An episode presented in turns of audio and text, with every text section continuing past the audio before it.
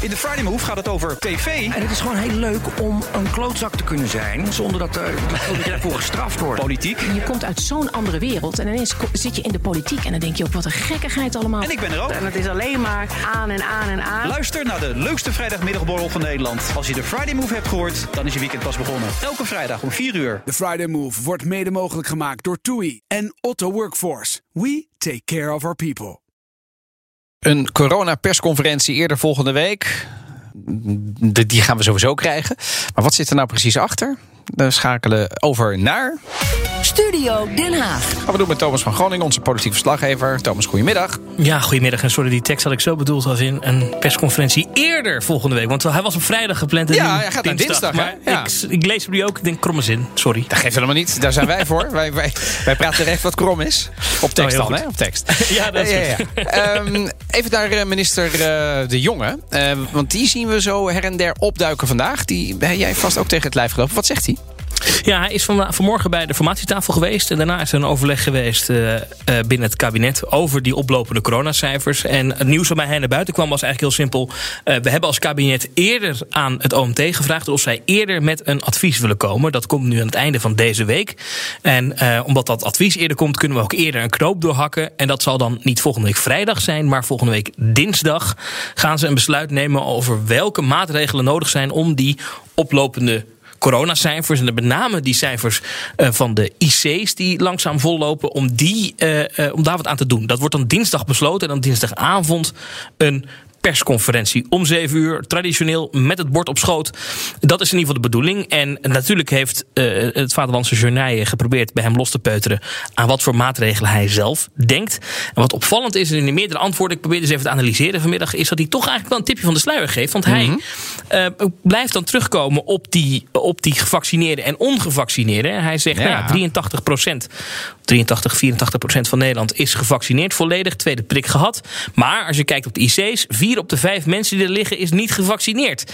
En hij hint er dan op dat juist die groep die niet gevaccineerden extra bescherming nodig hebben om niet ziek te worden. Dus hij hint erop dat die wellicht extra maatregelen moeten krijgen. Maar nogmaals, hij zegt niets concreets over wat voor maatregelen dat dan moeten zijn. Nee, dat is logisch. Maar dan, op, op een gegeven moment gaan er natuurlijk weer dingen uitlekken en zo. Ik denk dat dat misschien na donderdag is. Hè. Dan komt dat OMT met het advies. Maar Thomas, waarom hebben ze daar niet eerder een knoop over doorgehakt? Want ze wisten dat dit zou gebeuren. Er was sprake hè, in de, was het juni, juni ergens in de zomer dat ze aangaven. Nou, er komt ja. in het najaar wel weer zo'n piek aan.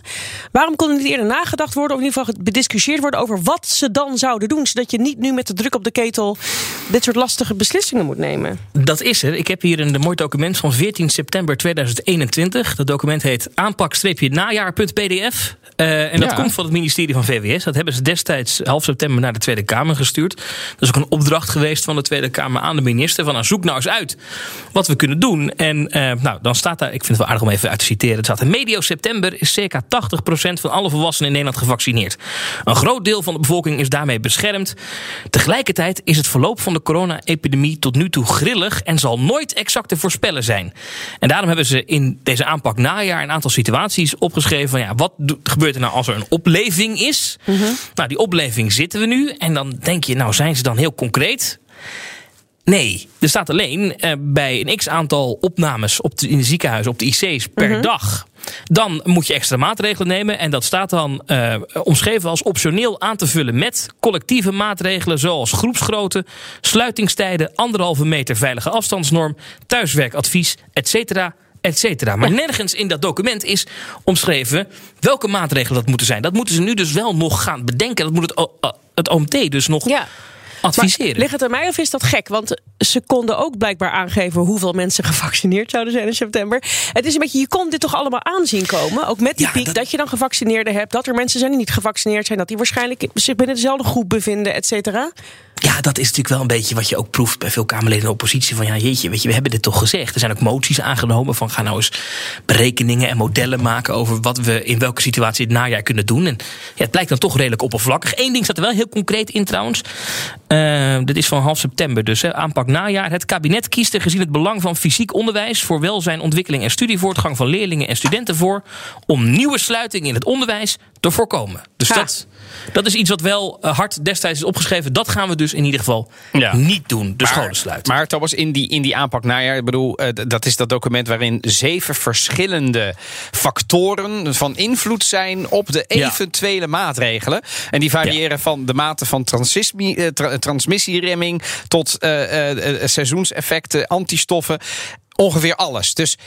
Eh, ik, ik ken dat document. Dat is niet het meest concrete document. Dat is, dat is niet, dat snap ik. Maar bedoel, hoe kun je daar Ja. nou op varen? Ja, nou ja, daar, daar vaart men nu toch wel op. En, en, en dit, deze factoren worden nu voorgelegd aan het OMT. Van ja, wat is hier nou eh, aan de hand eh, als we kijken naar deze factoren? En wat moeten we doen om dat af te remmen? En ehm, ja, als je het dan hebt over dat gevaccineerd en niet gevaccineerd. Ja, dan zou het wellicht daarin kunnen liggen dat gevaccineerden straks bijvoorbeeld wel naar een popconcert mogen. Maar als je niet gevaccineerd bent, dan moet je nu nog een test halen als je daar naartoe wil. Ja, dat dat dan misschien straks niet meer kan. Eh, Ja.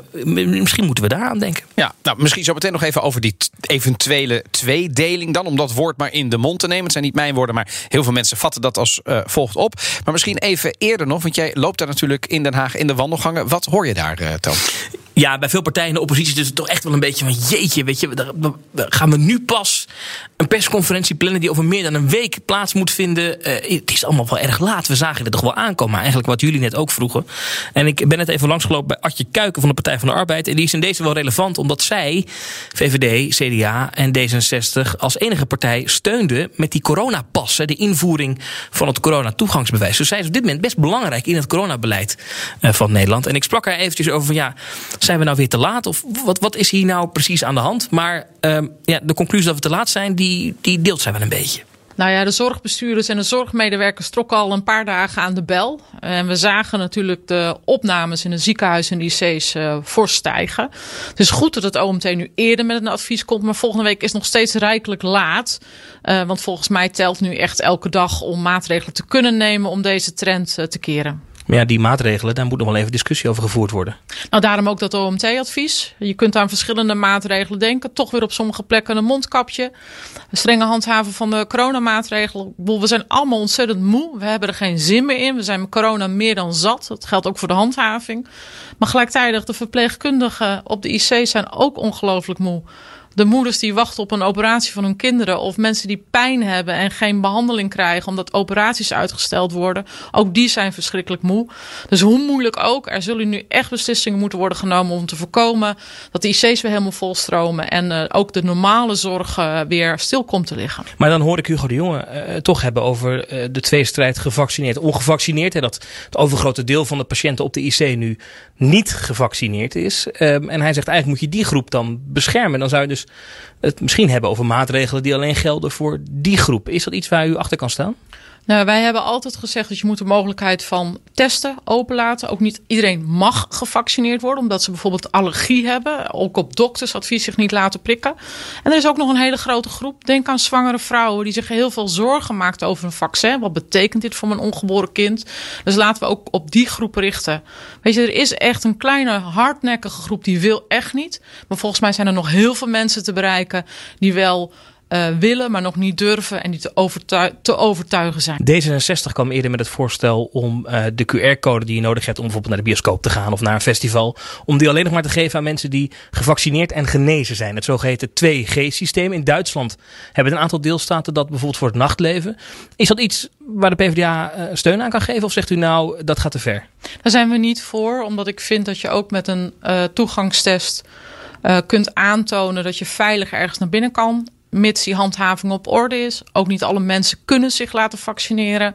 Eh, en daarom ben ik daar dus niet voor. Het is niet de bedoeling om een tweedeling in de samenleving te creëren. Het is de bedoeling dat we veilig met elkaar deze crisis eh, doorkomen, hoe moeilijk ook. En die regionale maatregelen, dat je bijvoorbeeld gemeenten waar de vaccinatiegraad laag is, denk aan Staphorst, 56 procent, dat je dan zegt, ja, daar moet dan de horeca dicht? Nou, misschien moet je daar wel gerichte maatregelen op nemen. Eh, ja, ik bedoel, het is op zich logisch als je zegt, ja, waarom, hè, als het Staphorst het grootste probleem is, dan voor heel Nederland maatregelen. In het begin van de coronacrisis hadden we dat natuurlijk ook.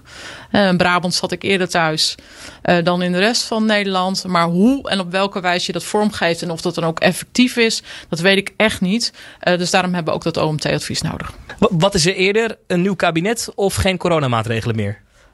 Laten we reëel zijn, we zijn voorlopig nog niet van de coronamaatregelen af, hoe graag we dat ook zouden willen. Uh, en het kabinet, dat, dat moet er toch echt binnen een maand staan. Ja, we hoorden dus uh, je kijken van de Partij van de Arbeid over die maatregelen. Om daar nu even verder over te praten, Thomas. Um, ja. Als je naar uh, de jongen luistert. Vandaag gaf hij ook nog een, een, een, een, citaat, een citaat waarin hij zei...